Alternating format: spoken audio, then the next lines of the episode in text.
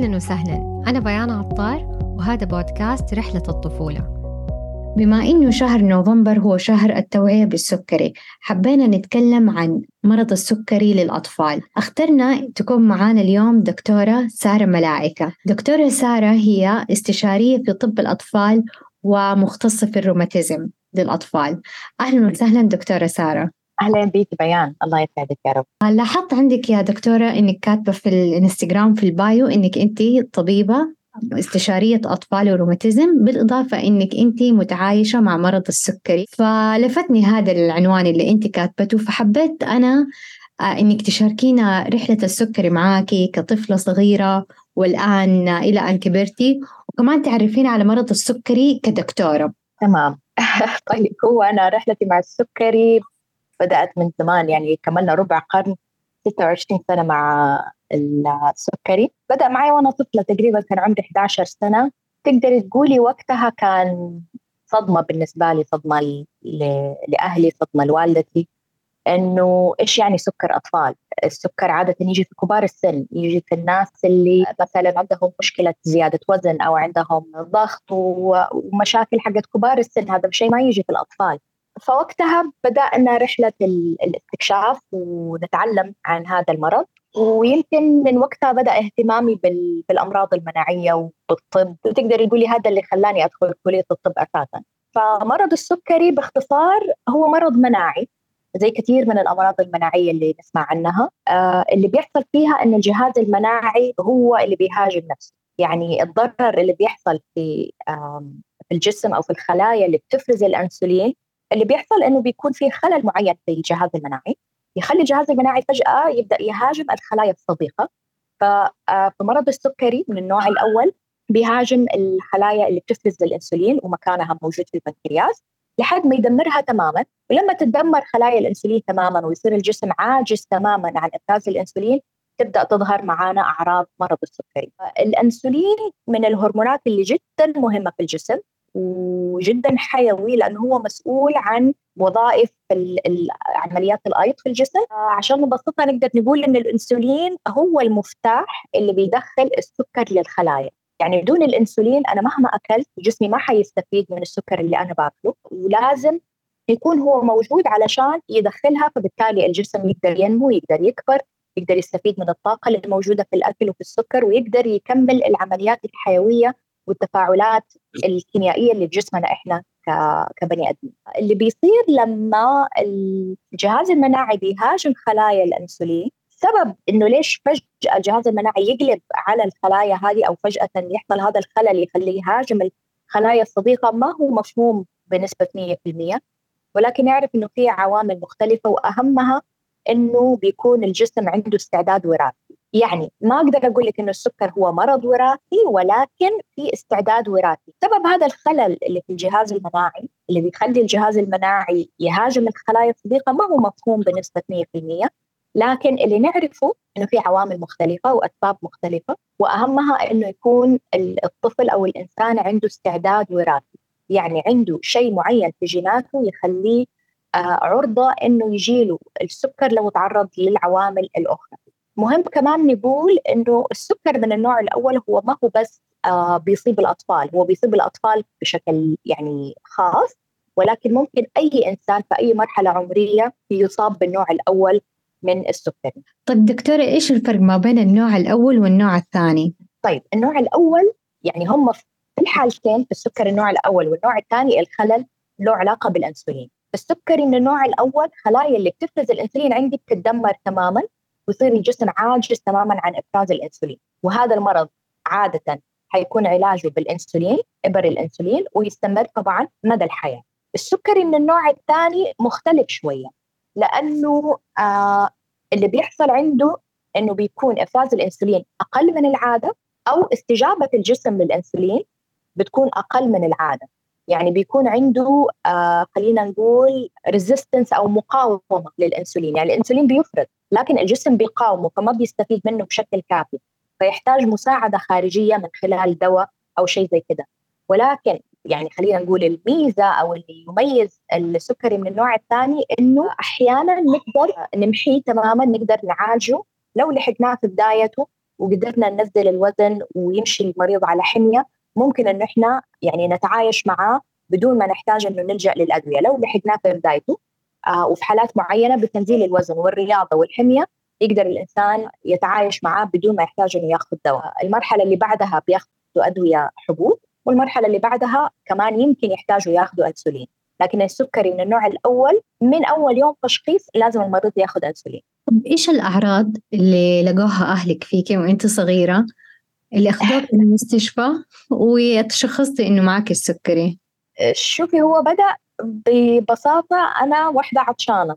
آه. أقول لماما يا ماما أنا عطشانة. تقول لي العطشان يشرب موية فأروح أشرب موية. بس العطش ما كان عطش عادي يعني كان مهما أشرب موية ما يرتوي. ما ما يرتوي ما هو ما يروح. لدرجة كنت أوقات أشرب الموية وأخليها في فمي شوية أحاول إني ما أبلعها عشان أخليها تقعد أطول فترة ممكنة قبل ما أبلعها. كنت وقتها أتمنى لو كان في موية موية تخينة أو موية كأنها جلي علشان تقعد يعني تطول عبال ما تنبلع فاهمة علي؟ لأنه كان مرة عطش صعب. المهم فعطشانة بشرب موية وبعدين لاحظت إني صرت أروح لايكن في الحمام كثير. فبالنسبة لماما وقتها العطشان حيشرب موية واللي يشرب موية كثير حيروح الحمام فعادي. إلى الآن هي ما كانت قلقانة من الموضوع. بدأ بعدها آه، أحس دائما بخمول دائما أحس بتعب. أنام على الكنبة هنا أنام على الكنبة هناك. وصل معايا العطش لدرجة إني صرت أصحى في نص الليل عشان أشرب موية. العطش يصحيني من النوم آه وكذا مرة في الليل. آه وكنت قبل ما أنام أحضر ست كاسات موية عشان لما أصحى أشربها في نص الليل. وبعدها طبعا لك يعني تتخيل كمية الموية اللي الواحد بيشربها صار معايا كم مرة تبول لا ارادي بالليل. فكان الواحد مرة مكسوف إنه أنا بنت عمري 11 سنة وبعمل على نفسي فما قدرت أقول لماما وقتها استحيت. يمكن هذا كان غلط يمكن لو كان قلت لها يمكن ما أعرف. أنا ما أعتقد ابدا إن أمي قصرت بس إنه يمكن كان لفت انتباهها أكثر للموضوع. بعد كده صرت أحس إنه عيوني ناشفة. قلت لماما ماما عيوني مرة ناشفة. لما أغمضها أحسها ناشفة. وقتها على طول أخذتني للدكتور. دحين أنا كدكتورة لما أسمع هذه الأعراض أقدر وبدون أي تحليل أقول لك إنه هذا سكري أطفال. يعني الأعراض جدا صريحة. عطش شديد تبول آه، متكرر تبول بالليل فقدان في الوزن فقدان للطاقه هذه هي أعراض السكري من النوع الأول باختصار شديد. في بعد كده مرحلة إنه ممكن الإنسان يدخل في اللي يسموها كومة سكر لما السكر يكون مرتفع آه، لفترة طويلة ويهمل تبدأ تطلع معنا أعراض أشد خطورة. يبدأ يدخل الإنسان في حموضة السكر. أنا لما تشخصت تشخصت في مرحلة العطش. فما كنت دخلت في حموضة شديدة ما دخلت في غيبوبة الحمد لله. رحنا للدكتور الدكتور على طول قالت لي ماما حنعمل لها شوية تحاليل ومن ضمنها تحليل سكر. وأتذكر مرة كويس يومها ماما قالت لها ليش تعملي لها تحليل سكر؟ هذا مرض كبار السن هذا مو حق الأطفال. بس آه، طلع هو. آه، وقتها لما حللنا السكر كان سكري تقريبا يمكن 500 أو 600 ماما رجعت بالتحاليل وقالت لي يلا حنروح المستشفى. لها فأنا على طول فهمت إنه في شيء في التحاليل حقتي طلع مو كويس بس ما كنت فاهمة إيش الموضوع. ماما كانت بتبكي شوية ورحنا على المستشفى و... وبدأنا ال... الرحلة اللطيفة هذه. طب هذه يعتبر آه. من النوع الأول صح؟ صحيح. هذا النوع الأول اللي هو يستمر بعلاج خلاص. تستمر بعلاجك على الإنسولين علشان تعوضي الإنسولين اللي جسمك بطل يفرزه أيوه. في ناس تقول لك طب يمكن السكر بيجي عشان انت كنت تاكلي حلويات كثير دائما أسمع هذا التعليق إيه كنت بقول لك. مستفز, مستفز شوية لأنه اللي عنده السكر من النوع الأول ما له أي ذنب في الموضوع. آه. هو مرض مناعي. كلنا كنا بناكل نفس كمية الحلويات ونفس كمية الأكل في البيت. أنا الوحيدة اللي جاني السكر مو عشاني مثلا آه كنت بشرب بيبسي كل يوم ولا علشان كنت باكل حلويات أكثر من أخواني ما له دخل. هذا مرض مناعي. سبحان الله من الله أنا عندي استعداد وراثي إنه يجيني هذا المرض وسبحان الله حصل إنه جاء. في عوامل ممكن تلعب دور في المرض مثلا إنه يجيكي فيروس معين يعمل خلل في الجهاز المناعي يسرع ظهور المرض. في زياده في نسبه الإصابة بالسكري مثلا في المعتقلات آه، الإسرائيلية اللي فيها الفلسطينيين. آه، أوقات بيدخلوا السجن ويخرجوا منه بالذات لما يكونوا مراهقين أو شباب بيخرجوا منه عندهم آه، السكري هو ما كان عنده أول ما دخل. طيب دكتورة أنت بتقولي إنه أنت ما كان عندك عادات أدت إلى وجود السكري إنه أنت ما كنت بتاكلي حلويات زيادة أو تشربي مشروبات غازية إلى آخره بس هل هذه العادات اللي هو موضوع أكل السكريات ممكن يأثر على النوع الثاني؟ أيوه على النوع الثاني أيوه آه النوع الثاني بتأثر فيها عوامل كثير منها السمنة منها آه لأنه كل ما يكون الإنسان وزنه آه زايد عن المعدل الطبيعي الخلايا الدهنية بتعمل مقاومة للانسولين. يعني الجسم بيفرز الانسولين لكن الجسم بيقاومه آه، فما بيستفيد منه بشكل كامل. آه، نظام الحياة اللي هو ما في حركة وما في رياضة كمان بيزيد النسبة أو أو الخطورة إن الواحد يجي له السكري. آه، نوعية الأكل وكمية الأكل اللي بناكله وطبعا والأهم دائما التاريخ الأسري. يعني لو في أسرة عندهم الجد عنده مرض السكري الأب عنده مرض السكري فلازم الأولاد يكونوا عاملين حسابهم إنه لازم يهتموا بطبيعة أكلهم وال lifestyle حقهم عشان آه، يتفادوا إنه يجيهم السكري من النوع الثاني. السكري من النوع الأول ما في شيء تقدري تسويه عشان تمنعيه من إنه يجي لأنه ب ب يعني إحنا إلى الآن ما إحنا عارفين بالضبط إيش اللي خلى الجهاز المناعي يقلب ضدنا لكن إحنا فاهمين إنه هو مرض مناعي وما في شيء أنا أقدر أسويه كأم عشان أحمي أولادي منه ولا في شيء آه يعني امهات تجي تقول طب أنا إيش سويت غلط؟ أو إيش كان في شيء كان ممكن لو سويته طفلي ما يجي له السكري أو ما يجي له هذا المرض المناعي ما في شيء. يعني دائما أحب أطمن الأمهات إنت كأم إنت أم رائعة إنت ما قصرتي بشيء هذا سبحان الله ابتلاء طفلك أو ابتلائك إنت كأم لطفل عنده سكري أو عنده أي مرض مناعي آخر. رغبتي كانت إني أدخل كلية الطب عشان أفهم أكثر ليش إيش معنى أنا؟ ليش أنا يجيني سكر والناس الثانية لا؟ أو مثلا أنا كنت في المدرسة كان معانا خلينا نقول آه، بنات آه، مثلا متنمرين. فأنا كنت أحس يا ربي أنا ما سويت شيء عشان يجيني المرض عشان أتعاقب بهذا المرض. في عقليه الطفل كان بالنسبة لي تقبل المرض جدا صعب.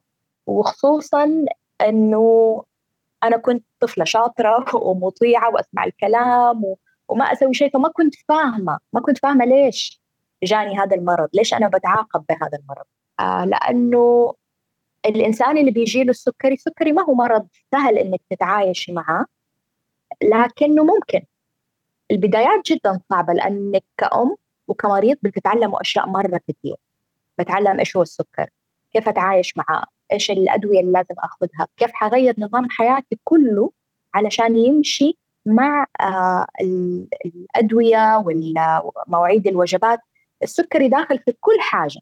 يعني بيسكلي اللي عنده سكر من النوع الأول ما يقدر ياكل ولا لقمة ولا يشرب عصير إلا لما ياخذ آه انسولين آه, آه ف... يعني ما يصحى من النوم يعني هي دحين واحدة إبرة في اليوم.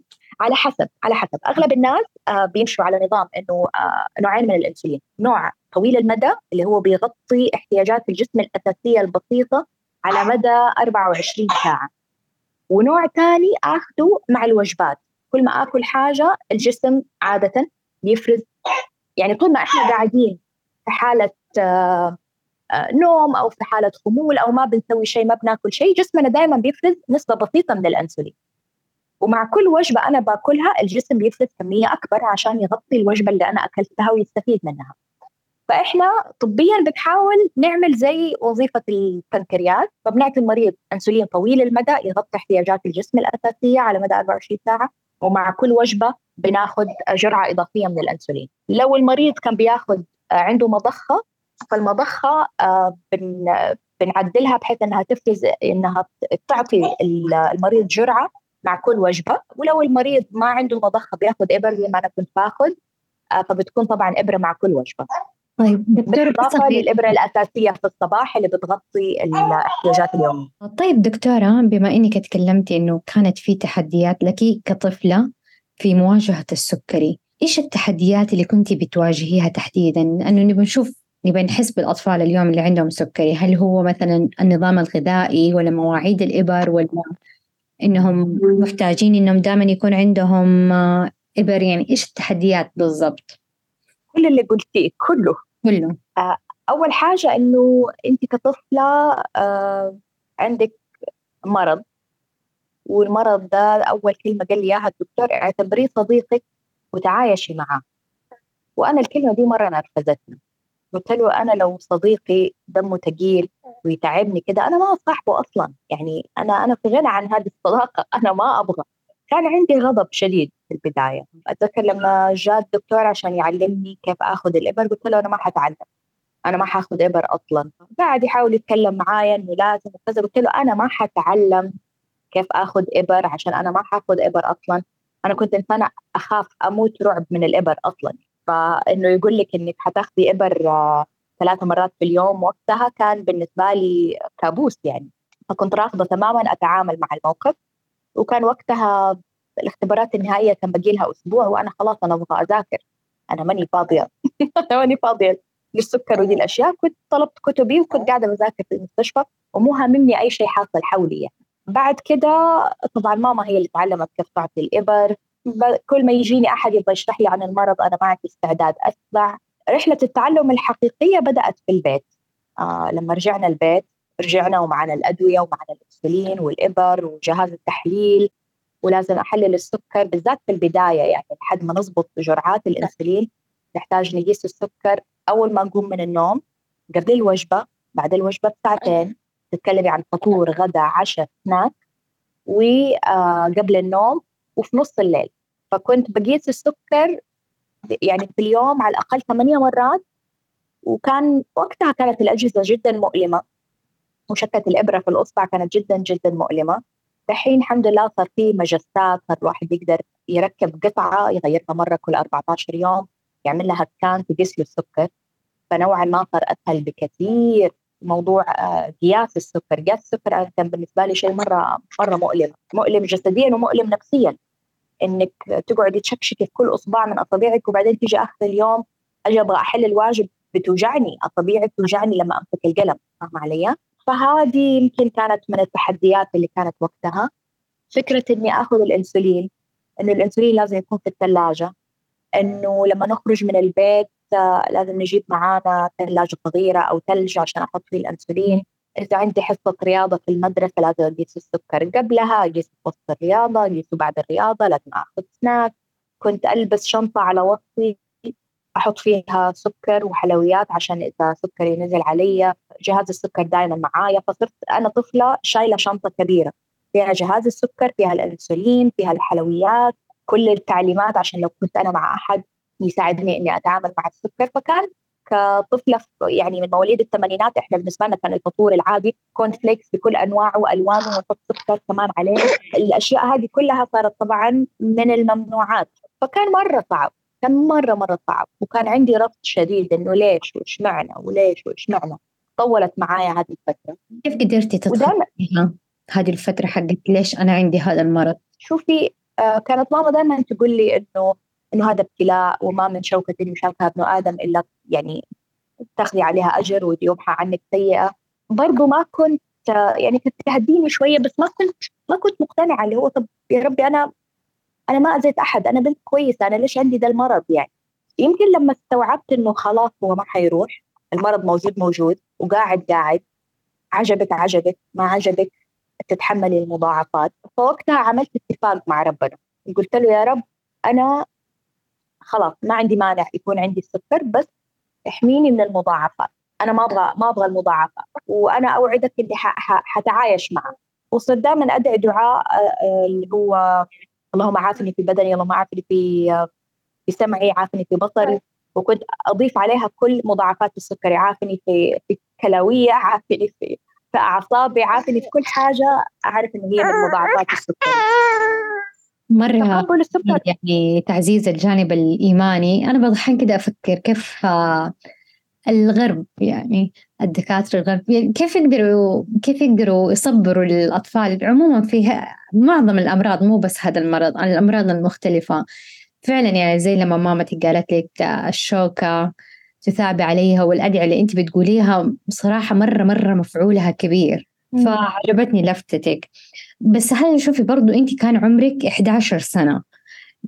نوعا ما يعني واعية واعية. بس لو في أطفال عمرهم ثلاث سنوات آه، أطفال عمرهم خمسة أطفال عمرهم سبعة كيف نحن برضو نقدر نفهمهم هذا المرض؟ وشوفي ممكن حقون ثلاثة أربعة خمسة في معلمة في الحضانة تقدر آه، تساعد. بس يعني اللي هم سبعة ثمانية سنين كمان هدول برضو في الفصل لوحدهم. فيعني حكيني كيف لما يكونوا ثلاثة أربعة ولما كمان يكونوا سبعة ثمانية كيف ممكن هم يتعايشوا مع المرض؟ شوفي ثلاثة وأربعة وأصغر من كذا لأن السكري كمان ممكن يجي في الأطفال الأصغر. الأم والأب بيكونوا أساس يعني مو أساس بيكونوا كأنه هم جوا جسم المريض. الأم بتكون تقريبا مسيطرة على كل حاجة في حياة الطفل فهو يعني السكري في الأطفال صعب لأنه مش صعب بس على الطفل صعب على الأم لأنه هي لازم تحاول تسيطر على الوضع تحاول تتحكم في الوجبات في مواعيدها الجرعات تقيس السكر. الحين صار في وسائل كثير تساعد الأم إنه مثلا تقدر تتابع سكر طفلها من تليفونها في الجوال وهو في المدرسة. تفتح على الآب حقت الجهاز وتشوف سكر طفلها كم الآن وهو في المدرسة. هذه الأشياء ما كانت موجودة زمان. وتخيلي كمان زمان لما ما كان في أصلا جوالات. كان بالنسبة لمامتي يعني كان كابوس إنه مثلا أنا رحت المدرسة إيش صار؟ إيش ما صار؟ ما تقدر تعرف إيش حصل. آه فنوعا ما المرض ما زال موجود لكن طريقة التعايش معاه بسبب التكنولوجيا تطورت مرة كثير وسهلت الحياة نوعا ما. فبالنسبة للأطفال اللي نقدر نقوله إنه الطفل الصغير حيأكل الأكل اللي موجود في البيت. اللي عمره ثلاثة أو أربعة سنين ما حيأخذ فلوس وينزل البقالة ويروح يشتري حاجة أو يطلب حاجة من تليفونه ويجي له على البيت ويأكلها ويخبط يأكل الأكل الموجود في البيت و... ويمكن تستغربي بس الأطفال الصغار يمكن تقبلهم للمرض بيكون أفضل لأنه من يوم ما وعي على الدنيا وهو عنده هذا المرض وعارف هو إيش بياخذ شيء ثاني الأطفال اللي عندهم مرض مزمن أو اللي عندهم مرض بشكل عام بينضجوا أكثر بكثير وأسرع بكثير من بقية الأطفال. لأنه بيتحمل مسؤولية نفسه بيتحمل مسؤولية صحته ما أقدر كأم آه وما أنصح الأهل إنهم يتركوا للطفل مسؤولية المرض بالكامل حتى لما يكون مراهق حتى لما يكون آه خلينا نقول مراهق أكبر شوية. يحتاج دائما دعم من الأسرة ويحتاج دائما إنه الأم نوعا ما تكون موجودة حتى لو الطفل رافض إنها لأنه لأنه الطفل بحس إنه هو مراقب. يعني أنا الوحيدة ما بين إخواني اللي مثلا ماما كانت تصحيني من النوم في الويكند عشان لازم أفطر فطور الساعة 7 آه وأفطر وأرجع أكمل نوم. أنا لازم لو كل البيت شبعان أنا لازم اتغدى في الوقت الفلاني. مثلا الساعة 12 ونص أنا لازم أتغدى يعني لازم أتغدى سواء جيعانة ماني جيعانة حتاكلي يعني حتاكلي انتهى الموضوع. نعم. الآن لا أنواع السك... أنواع الإنسولين اختلفت فصار ممكن الواحد يعني زمان كنت المريض يأقلم نفسه مع المرض. دحين صرنا نقدر نوعا ما آه يعني يومك يومي كله كان آه اللي بيتحكم فيه السكري. دحين لا صار في عندنا شوية مرونة إنه أنا أقدر أخلي السكري آه يتأقلم مع نظام حياتي مش العكس فأقدر آه أنظم وجباتي. إذا أبغى اخر وجبة أقدر اخر إذا أبغى ابدرها أقدر ابدرها حبيت مثلا إني أحلي إني آكل حاجة آه خلينا نقول من الممنوعات. مش يعني دحين ما صارت ممنوعة 100% لأنه صرنا نعرف نتحكم بكميه الإنسولين اللي يحتاجها الجسم لهذه الوجبة. زمان ما كان في هذا الشيء ما كان عندنا هذا الوعي. الآن حاجة أساسية الأم بتتعلمها والأب بيتعلمها والطفل بيتعلمها يحسب عدد وحدات الكربوهيدرات في الوجبة الواحدة. طبعا كطفل صغير الأم هي اللي حتاخذ هذه المسؤولية. شوي شوي لما يبدأ الطفل يكبر حيبدأ يعرف إنه هذه الوجبة آه مثلا في شريحتين خبز حاخذ عليها نسبة معينة من الأنسولين حبيت آخذ شريحة ثالثة حزود عليها كذا آه رقم من وحدات الأنسولين. فالطفل اللي عنده سكري الصغير مرة الأم بتكون متحكمة في كل شيء 100% الطفل اللي ما بين سن خلينا نقول خمسة ستة سنوات خلاص الطفل يعرف يتكلم يعرف انه هو عنده سكر يعرف انه هو بياخذ إنسولين يقدر يقول آه انه هو عنده يبدأ يحس بالأعراض ويقدر يميز. مهم إنه الطفل يعرف إيش يعني ارتفاع وإيش يعني انخفاض. ومهم إنه مراقبة الأهل لمعدل السكر لأنه أوقات الطفل ما يحس يكون بيلعب وينسى نفسه أو يكون مشغول مع أصحابه وينسى نفسه ينسى ياكل ينسى ياخذ مثلا السناك اللي المفروض ياخذه في هذا الوقت. فهو يحتاج متابعة شديدة مكثفة من الأهل ويحتاج تعاون من الطفل وهذا يعني كمان ما هو سهل. خصوصا الأطفال لما يدخلوا في سن المراهقة يبدأ الطفل يصير عنده العناد آه يعلى يبدأ يبغى يحس باستقلال.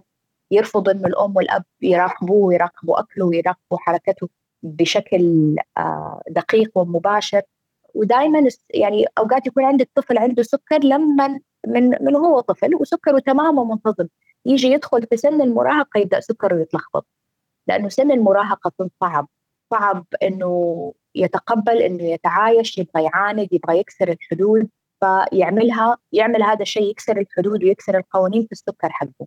عند كثير من الأطفال مش الكل ولكن دائما تنظيم السكر في فترة المراهقة ما هو سهل جزء منه لأنه المراهق بطبيعته يمكن التعامل معاه في تحديات معينة لكن في نفس الوقت كمان في آه، لخبطة هرمونات في زيادة في الوزن زيادة في الطول فبيعمل تغييرات في الجسم تتطلب تغييرات في الجرعات ومتابعة آه، دقيقة مع الطبيب علشان نقدر نسيطر على السكر في هذه الفترة. آه، تقبل مرض السكري ما حقدر أقول لك إنه انت حتنامي حتصحي حتتقبليه في يوم من الأيام، هي process هي عملية. أيام حتلاقي نفسك عندك التقبل عالي وأيام حتلاقي عندك الغضب عالي. آه ففي طلوع ونزول مستمر. يعني أنا خلال 26 سنة من حياتي أنا عندي فيها السكر. يعني أكثر من نص حياتي أنا عندي السكر. في أيام أنا راضية تماما في بمتحن وفي أيام بيكون عندي غضب شديد وأروح للدكتور أقول له دكتور سوي أي شيء تصرف شيل لي هذا المرض يعني خلاص أنا تعبت أنا طفشت. هو مرهق مرهق نفسيا إنك طول الوقت بتفكري آه أنا إيش حاكل؟ أنا متى حاكل؟ كم حاخذ؟ كم الجرعة؟ يعني مثلا أنا في أيام الابتعاث لو مثلا جريت عشان ألحق الباص وجريت مسافة لازم أعمل حسابي إنه يمكن هذه الجرية تنزل لي السكر. فلازم أعمل حسابها. يعني أقدر أقول لك إنه تفقد التلقائية مع السكر. ما تقدري تكوني spontaneous مع السكر. لازم كل شيء يكون مدروس. أعرف أنا نظام يومي اليوم أنا إيش حسوي. مثلا آه ما أقدر في يوم من الأيام أقرر أنا حروح أبات عند خالتي. زي أطفال زي مثلا وإحنا صغار لما كنا مثلا حروح أبات عند خالتي أو حبات عند ستي ما كان هذا الشيء اوبشن آه بالنسبة لي لأنه لازم أعرف أنا حبات عندهم إيش الأكل اللي عندهم الإنسولين معايا ولا مو معايا الإبرة الجهاز الكذا. ففي شنطة كاملة شنطة نفسية شنطة وشنطة فعلية. يعني أنا أحس انه السكري كأنك شايلة شنطة على ظهرك مدى الحياة. انت كمريضة ما أقدر أنزلها ما أقدر أجي يوم كذا أقول أنا حرمي الشنطة خلاص ما عاد أشيلها. وما حد يقدر يشيلها عني. في النهاية السكري هو مسؤولية المريض. ويوصل المريض لمرحلة إنه يصير هو طبيب نفسه هو يفهم في سكره أكثر من الدكتور اللي بيعالجه. هذا يعني لما خلاص يصير خبرة ومخضرم في السكر فتصيري تفهمي سكرك أكثر من أي أحد ثاني وتعرفي إيش يزبط معك وإيش ما يزبط معك وأوقات الدكتور يقترح علي يقول لي مثلا خلينا نعطيكي هذه الجرعة أقول له لا خلينا نعطي كذا. ويطلع كلامي صح لأنه خلاص أنا أنا وهو صرنا آه، نرجع لموضوع سكر صديقك. صديق الرزل. في النهاية خلاص أنا تقبلت إنه هو جزء من حياتي وجزء من آه، من كينونتي صرنا أنا وهو صندوق واحد. لما تقبلته طبعا الحياة صارت أسهل لأنه ما صار عندي مقاومة وخلاص تقبلت إنه okay أنا عندي صداع زيادة عن بقية الناس. أنا جزء من تفكيري دائما مشغول بتنظيم السكر وتنظيم يومي وتنظيم حياتي. آه السكر يحب الروتين يحب إنه يكون في روتين فيكس وثابت عشان نوصل لأفضل قراءات للسكر آه ما يمنع طبعا إنه الواحد آه يعمل الأشياء اللي هو يبغاها. يعني أنا كان عندي تحدي بيني وبين نفسي إنه أنا حسوي كل شيء وما حخلي السكر يمنعني إني أسوي الأشياء اللي أنا أبغاها. حسافر وحدرس برا وحدرس في كلية صعبة وحغوص وحطير وحلفلف الدنيا وحسوي كل شيء أنا أبغاه برغم إنه أنا عندي سكر. فالحمد لله نجحت بهذا الشيء. آه لكن نجحت أكثر لما تقبلته وخليته جزء مني وصرت ما أستحي منه. يعني ما أستحي أقول إنه أنا عندي سكر. زمان كنت أستحي. كنت انكسف إني آه مثلا ينخفض علي السكر في الفصل وأدوخ وأضطر أقول للأبلة إنه ترى سكري نزل ولازم أطلع من الفصل وتنقطع الحصة ويوقف الشرح علشان ساره سكرها انخفض مرة ثانية مثلا. أو نكون في مكان ومبسوطين وبنجري وبنلعب وفجأة سكري ينخفض دائما ينخفض في أوقات سخيفة. آه وانت وانت في مكان بتلعبي وانت في مكان بتجري وإنتوا مثلا خلينا نقول آه، داخلين حفلة معينة كده في الدخلة وانت بتعدي من الباب فجاه أحس نفسي دايخه وانه السكر انخفض. فخلاص تقبلت إنه هو السكر كده. أحيانا ما حقدر أتحكم فيه 100% أحيانا حتجيني انخفاضات في أوقات أنا ما أبغاها أو حيرتفع في أوقات ما كنت عاملة حسابي فيها. بس خلاص هذا جزء من حياتي. هذا هذا جزء من حياتي. فزي ما بقول لك أحيانا تكوني متقبلة وراضية تماما وأحيانا لا. يجيكي طلوع ونزول طلوع ونزول في آه، رحلتك مع السكري في سؤال دائما يجي على بال كثير من الناس إنه مريضة السكر هل حتقدر إنها هي إن شاء الله تتزوج وتنجب بطريقة سليمة؟ أو حتى المريض ما أعرف يعني إذا هذا الشيء حتى يأثر على الرجل آه كون إنه هو يقدر إن شاء الله ينجب أولاد سليمين وإلى آخره. فكيف يعني نحن ممكن آه، نجاوب عليهم؟ طبيعي هذا السؤال ويمكن هذا من أول الاسئله اللي جات على بال ماما لما كنت متنومه في المستشفى أول مرة. وأتذكر جاتني دكتورة وقالت لي إنها تعرف واحدة عندها سكر ومخلفة خمسة أطفال. فوقتها كده حسيت يعني وقتها ما كان ما كنت بفكر أنا في موضوع الزواج كثير بس حسيت انه أمي ارتاحت وأنا وقتها حسيت okay طيب يعني في أمل. لما بدأنا الرحلة مع السكري كنا مثلا نكون في مكان ويشوفوني بطلع الإبرة وكذا آه، يقول ماما وي مسكينة الله يشفيها ويعافيها اقري عليها وديها للشيخ اعملي سوي. فكنت أحس في نظرة شفقة. وكأنه عندي عيب أو كأنه عندي شيء آه، غير مرغوب فيه طبعا. كبر معايا إحساس إنه آه، مو مهم أصلا أنا لا أبغى أتزوج ولا أبغى أخلف وأنا حعيش حياتي للعلم وفي الجامعة وفي الدراسة. بس طبعا أنا كنت بكابر مع نفسي زي زي أي إنسان كل واحد يبغى يتزوج ويبغى آه، يجيب أولاد في يوم من الأيام. يعني هو خيار هو ما هو ما هو إجباري ولكن أبغى يكون عندي هذا الخيار متاح. وما أخبي عليك حصل كذا مرة إنه مثلا تكون في عائلة متقدمة عشان تخطب ويعرفوا إنه أنا عندي سكر ويتراجعوا بسبب إنه أنا عندي سكر. حصلت كذا مرة. وقتها طبعا كان الموقف مؤلم وسخيف و... وجارح لأنك تحس إنه الناس بت بتحاسبك أو بتتجندك على شيء أنت ما تسببتي فيه. أنا جاني هذا الابتلاء من الله أنا ما عملت أي شيء في حياتي يخلي السكر يجيني هو مرض مناعي ابتلاء تمام؟ فما ك... ف... في فترات في في الرحلة مع السكري ما كانت سهلة. ما أحب كنت نظرات الشفقة ما أحب آه لما أحد يحاول يساعدني بس يكون متوتر زيادة عن اللزوم. أعذرهم أنا الآن لكن وقتها كنت أتضايق من ال ال مثلا سكر ينخفض وأحد بيحاول يعمل دراما. ينهار مثلا لأنه أول مرة يشوف إنسان سكره انخفض فصار عندي رغبة إني أبغى أخبي السكري ما أبغى أقول إنه أنا عندي. عشان أبغى الناس تعاملني طبيعي. لما بدأت شغل كلية الطب ما كان ينفع أخبي إنه أنا عندي سكر لأنه أنا باخذ مناوبات بكون مناوبة 24 ساعة.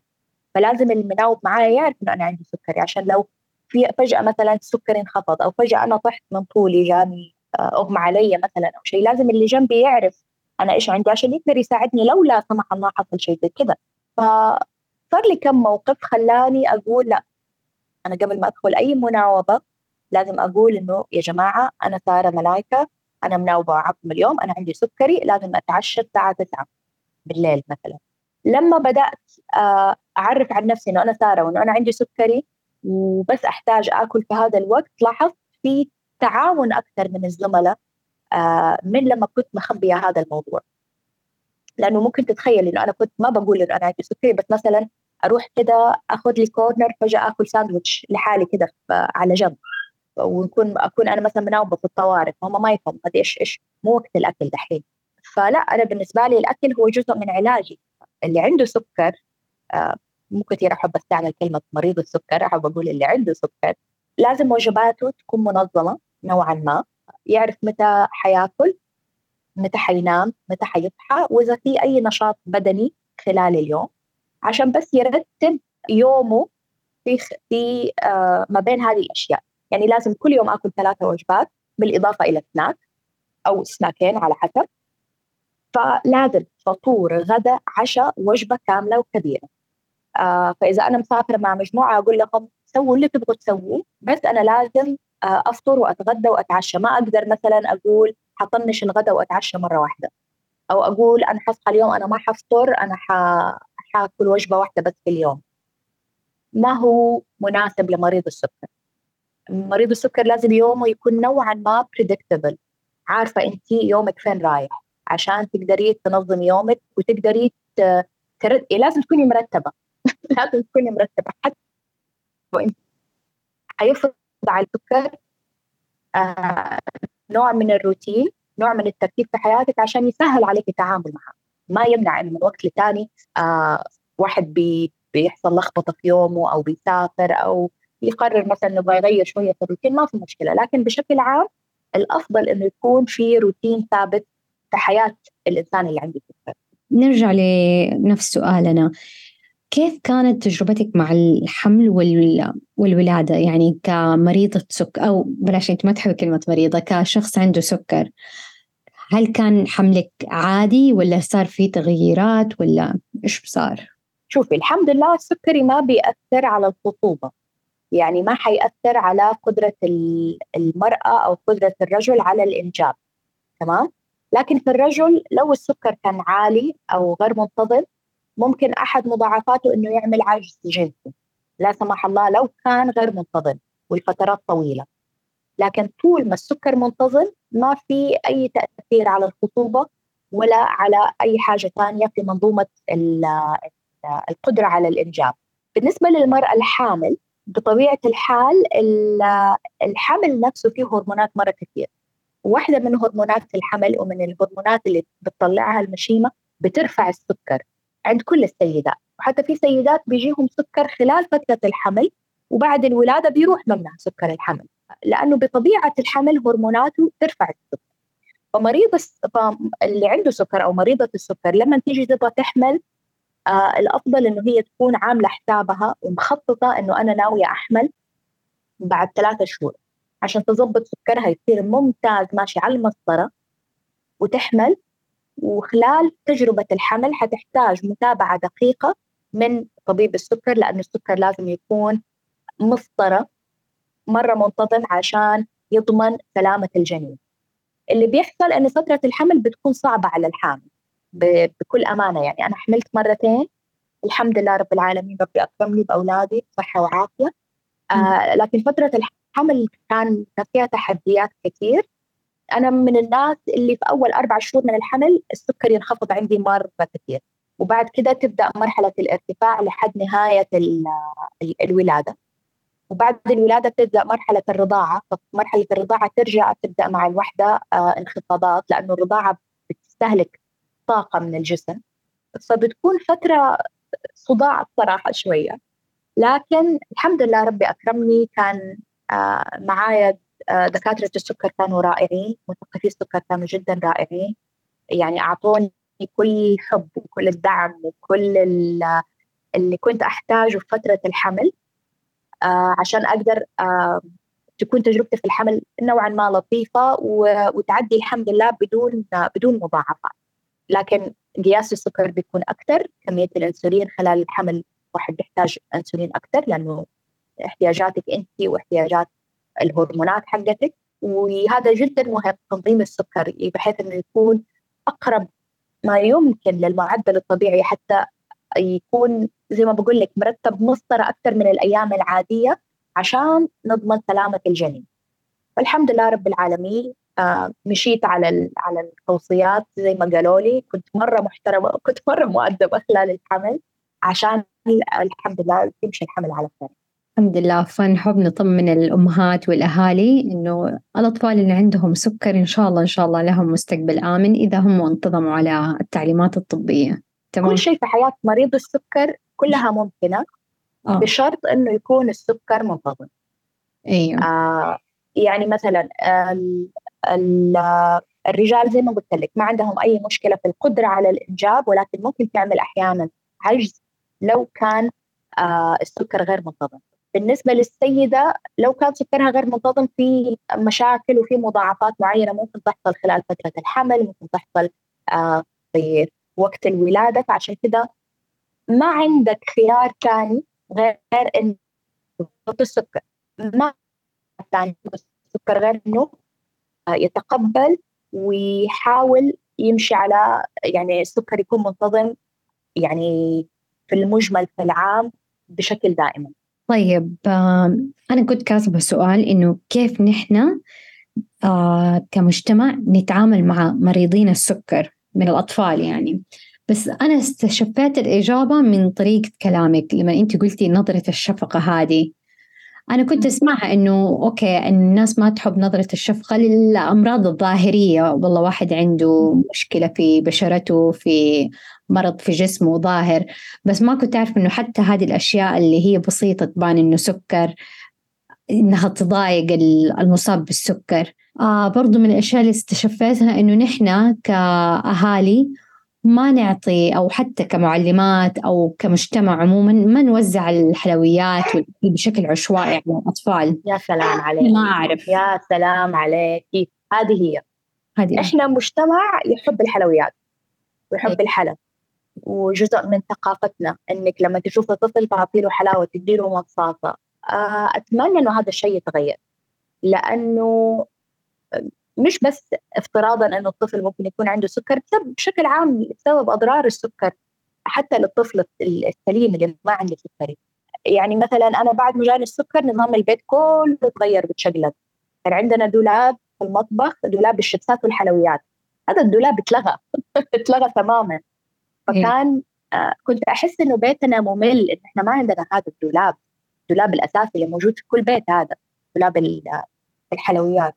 فكان أمي كانت مضطرة إنها تمنعه واضطرت إنها تمنعه عني وعن أخواني عشان ما أحس أنا إني محرومة. بدأنا نستبدل الحلويات بأشياء طبيعية بفواكه صار بيتنا دائما في فواكه دائما في سلطة. تعلمت أحب السلطة تعلمت إني آكل العيش الأسمر الحبوب الكاملة عشان هي أفيد لي. وقتها ما كنت متقبلة التغيير المفاجئ. أمس كنت باكل كذا اليوم أنا يعني أنا ماما لما استلمت نتائج تحليل السكر أنا كنت باكل كيكة آه باكلها من من الصينية بالملعقة. فما كان سهل ما كان سهل إنه أحد يقول لك أنت من الآن فصاعدا ممنوعة عن هذه الأشياء. لكن أنا أحب وأقترح إنه أنت عندك سكر أوكي من الآن فصاعدا كلنا كل البيت حنمشي على نظام حياة صحي. بكل صراحة وكل أمانة هذه واحدة من حسنات السكر. مخليني إنسانة محترمة. باكل أكل أكل صحي ممتاز. أنا بتحرك بسوي رياضة بحافظ على وزني بحافظ على صحتي. عشان عندي سكر صحيح لكن صار عندي دافع إنه أنا ما ما أسيب نفسي ما افلت نفسي. آه، آكل اللي أبغاه وأطيح في الأكل أو مثلا معصبه زعلانة أطيح في الأكل أو آه، كسلانة ما أبغى أسوي رياضة. فهو نوعا ما عمل لي آه عمل لي توازن وأعطاني الدافع إنه لازم نظام حياتي يكون صحي. غيرنا نظام البيت في حياتنا في البيت لما تزوجت الحمد لله زوجي كان من الناس اللي يهتموا إنه أصلا بطبيعة الأكل وبالحركة وبالرياضة. ويمكن هذا ساعده كمان إنه هو يتقبل فكرة السكر إنه أنا عايشة حياتي طبيعي بسوي كل شيء أنا أبغاه في الحياة بس أنا لازم آخذ الجرعة الفلانية قبل الوجبة ولازم آكل ثلاث وجبات أساسية في اليوم. فما حس إنه آه هذه واحدة كل يوم والثاني في المستشفى ولا عندها مضاعفات أو شيء زي كذا. اللي يشوفني ما يعرف إن أنا عندي سكر. ما هو شيء يبان عليك ما هو شيء ظاهري. البامب صغيرة ومخبيتها بجيبي ما هي باينة. اللي كان يضايقني مثلا خلينا نقول زمان كان إنه الناس تتعامل معك عادي. أول ما تعرف عندك سكر كذا في نظرة كثره في تحسي إنهم اوه يا الله مسكينة. من زمان وأنت صغيرة عندك يا الله من إيش جاكي؟ عشان مثلا زعلتي عصبتي حزنتي. جزء منه جهل جزء منه جهل. لما تنظر لك نظرة الشفقة هذه جزء منه جهل لأنه أنا أشوف نفسي بطلة.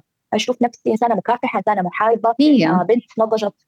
آه يعني أنا أحس إني كنت أنضج من بنات كثير في سني لأنه أنا تحملت المسؤولية جدا بدري.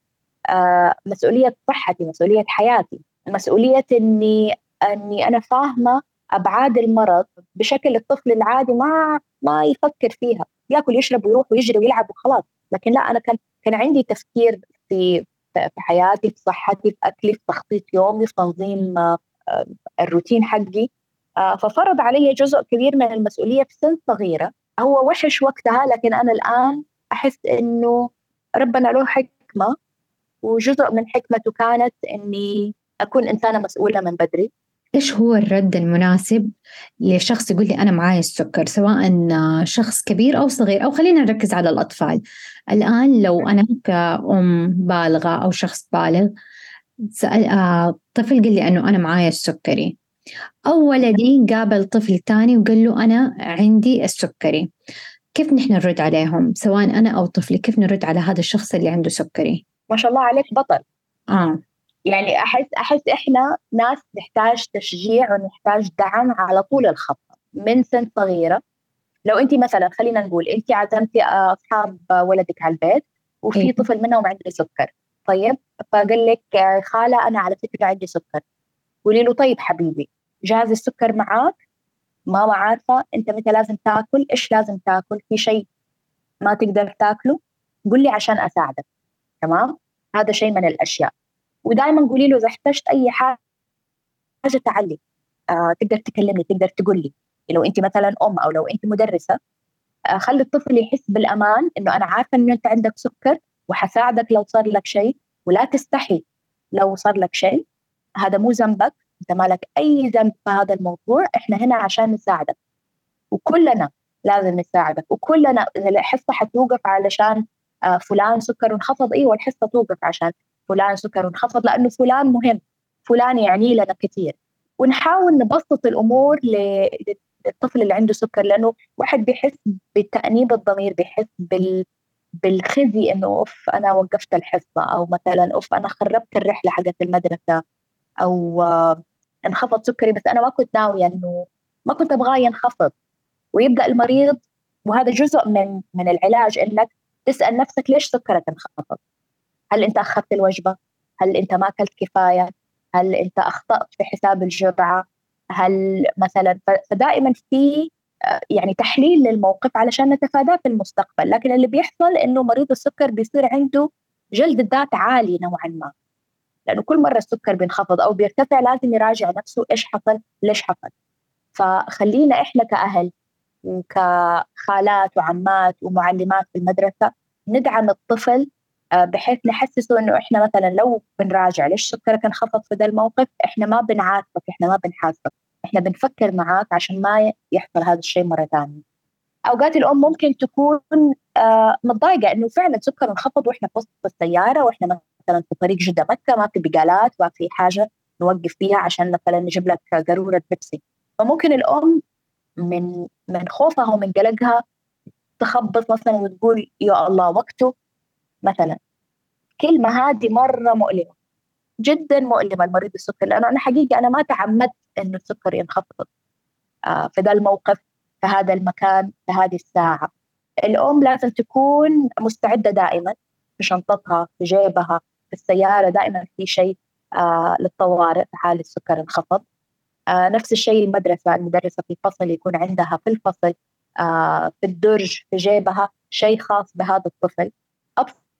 سطح إنه يعني الطفل لحاله مسؤولية إنه يكون شايل الحلويات أو شايل السكر في جيبه عشان لو سكره انخفض، أصحابه كمان يشيلوا، أخوانه يشيلوا، الأم والأب يشيلوا عشان لو صار الموقف والطفل ما كان معاه أو خلصت الحلويات اللي معاه ما يحس بتأنيب الضمير إنه أنا سببت مشكلة، إنه أنا وقفت اليوم بسبب اللي حصل لي. جميل والله كلها نقاط مرة مهمة يعني أنا أول مرة أسمع زي كذا. طب خلينا نتكلم عن إيجابيات السكر. أنت قلتي دحين هذا عشان إحنا نعطي دفعة أمل للأهل والأمهات والمعلمات. أنت قلتي إنه السكر ساعدك على تعلم المسؤولية من وقت بدري على صناعة الروتين من وقت بدري. إيش كمان علمك السكر؟ إيش في إيجابيات للسكر؟ أيوه كمان قلتي إنك أنت صرتي إنسانة محافظة على الرياضة والأكل الصحي. إيش كمان يعني؟ يعني شوفي أنا دحين في فترة من حياتي بحاول قد ما أقدر أشوف الإيجابيات اللي في السكر وأنا شايفتها مو إنه أنا بوجد نفسي إنه هي موجودة هي فعلا موجودة. آه غير تحمل المسؤولية غير إنه أنا ال lifestyle حقي دائما healthy أنا دائما محافظة على وزني.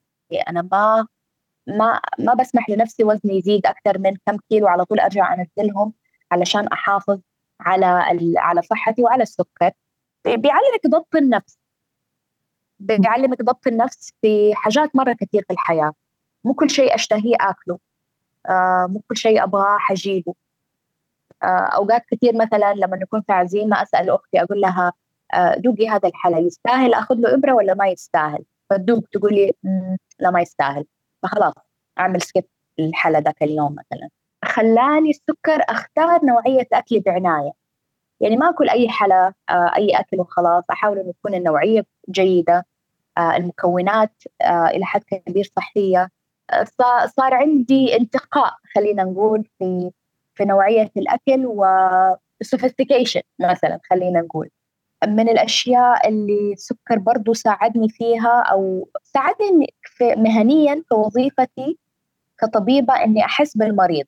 يعني أقدر اتفهم تماما عبء المرض المزمن على المريض على أهله. عبء المرض المزمن آه كمرض عبء المادي عبء المعنوي وعبء النفسي. أقدر استشف من المريض لما يجيني معصب وما يبغى ياخذ الدواء أقدر أتفاهم معاه. أنا دحين كطبيبه روماتيزم بعالج أمراض مزمنة ما لها علاقة بالسكر لكن هي برضو أمراض مناعية مثلا زي التهاب مفاصل الأطفال والذئبه الحمراء وهذه الأشياء. كلها أمراض مناعية آه، مزمنة وتحتاج علاج مدى الحياة. أعتقد إنه يعني ساعدني كثير في شغلي إني أفهم طبيعة الطفل أفهم مخاوف الأهل وأقدر أتعامل معاهم على هذا الأساس كطبيبة كصديقة كإنسانة مرت بنفس الشيء وما زالت بتمر بنفس الشيء بنفس المعاناة أحيانا أو خلينا نقول بنفس الابتلاء. جميل. طب دكتورة كلمة توجهيها للأهل اللي عندهم أطفال مصابين بالسكري قبل ما ننهي اللقاء. طيب بالنسبة للأهل السكري مو ذنبك ولا ذنبك كأب. ما في شيء عملتيه هو اللي سبب السكري من النوع الأول لطفلك. ما في شيء كان ممكن تسويه حيمنع إنه طفلك يصاب بالسكري من النوع الأول.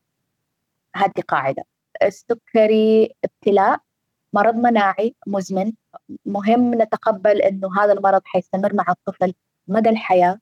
لما الطفل يتخرج من المدرسة ويكبر ويروح الجامعة ويتزوج حيضطر هو يتحمل هذه المسؤولية مسؤولية نفسه. فاحيانا الأم مهما ولدها كبر وتزوج وخلف برضه تقعد تسأله كيف سكرت؟ قست ما قست حللت؟ ما حللت؟ لأنه هي عاشت خلينا نقول أول 18 سنة أول 20 سنة من حياة الطفل وهي بتتابع موضوع السكر فمو سهل عليها إنها تفصل وتتقبل إنه ولدها كبر. لما جاتني فرصة الابتعاث ماما ما كانت مرة مبسوطة. قالت لي يعني كيف يعني تروحي تعيشي لحالك؟ كيف أعرف أنا إذا سكرك كويس ولا مو كويس؟ لنفرض صار لك شيء في نص الليل، لنفرض لنفرض لنفرض، هذه كلها معتمده كثير منها حصل لكن كأم حتربي في طفلك حس المسؤولية إنه صحتك هذه أمانة وصحتك هذه هي أهم شيء وأهم من كل شيء في حياتك.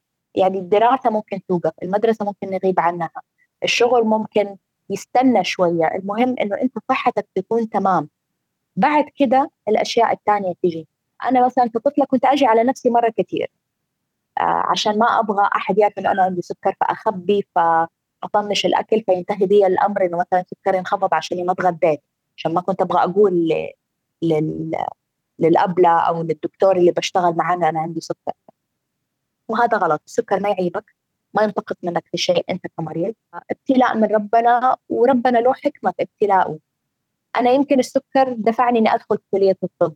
ساعدني إني أكون إنسانة متعاطفة أكثر مع الناس أو مع المرضى.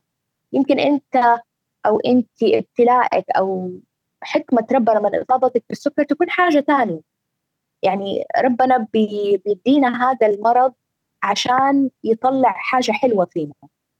آه، ممكن تختلف من شخص للثاني. لكن خلي ثقتنا في ربنا إنه ربنا أعطانا المرض صح؟ لكن ربنا أوجد له العلاج.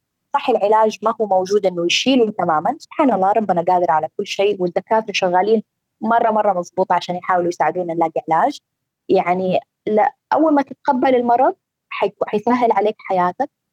وإذا جاتك ups and downs في مرحلة ورحلة تقبلك للمرض هذا شيء عادي وشيء وارد. لو يوم طفشت تعبت حسيت خلاص إيش هذا؟ أبغى يروح يروح مني. ترى كلنا بتمر علينا هذه الأيام. وهو عبء ثقيل. لكن بنساعد بعض وبنعدي.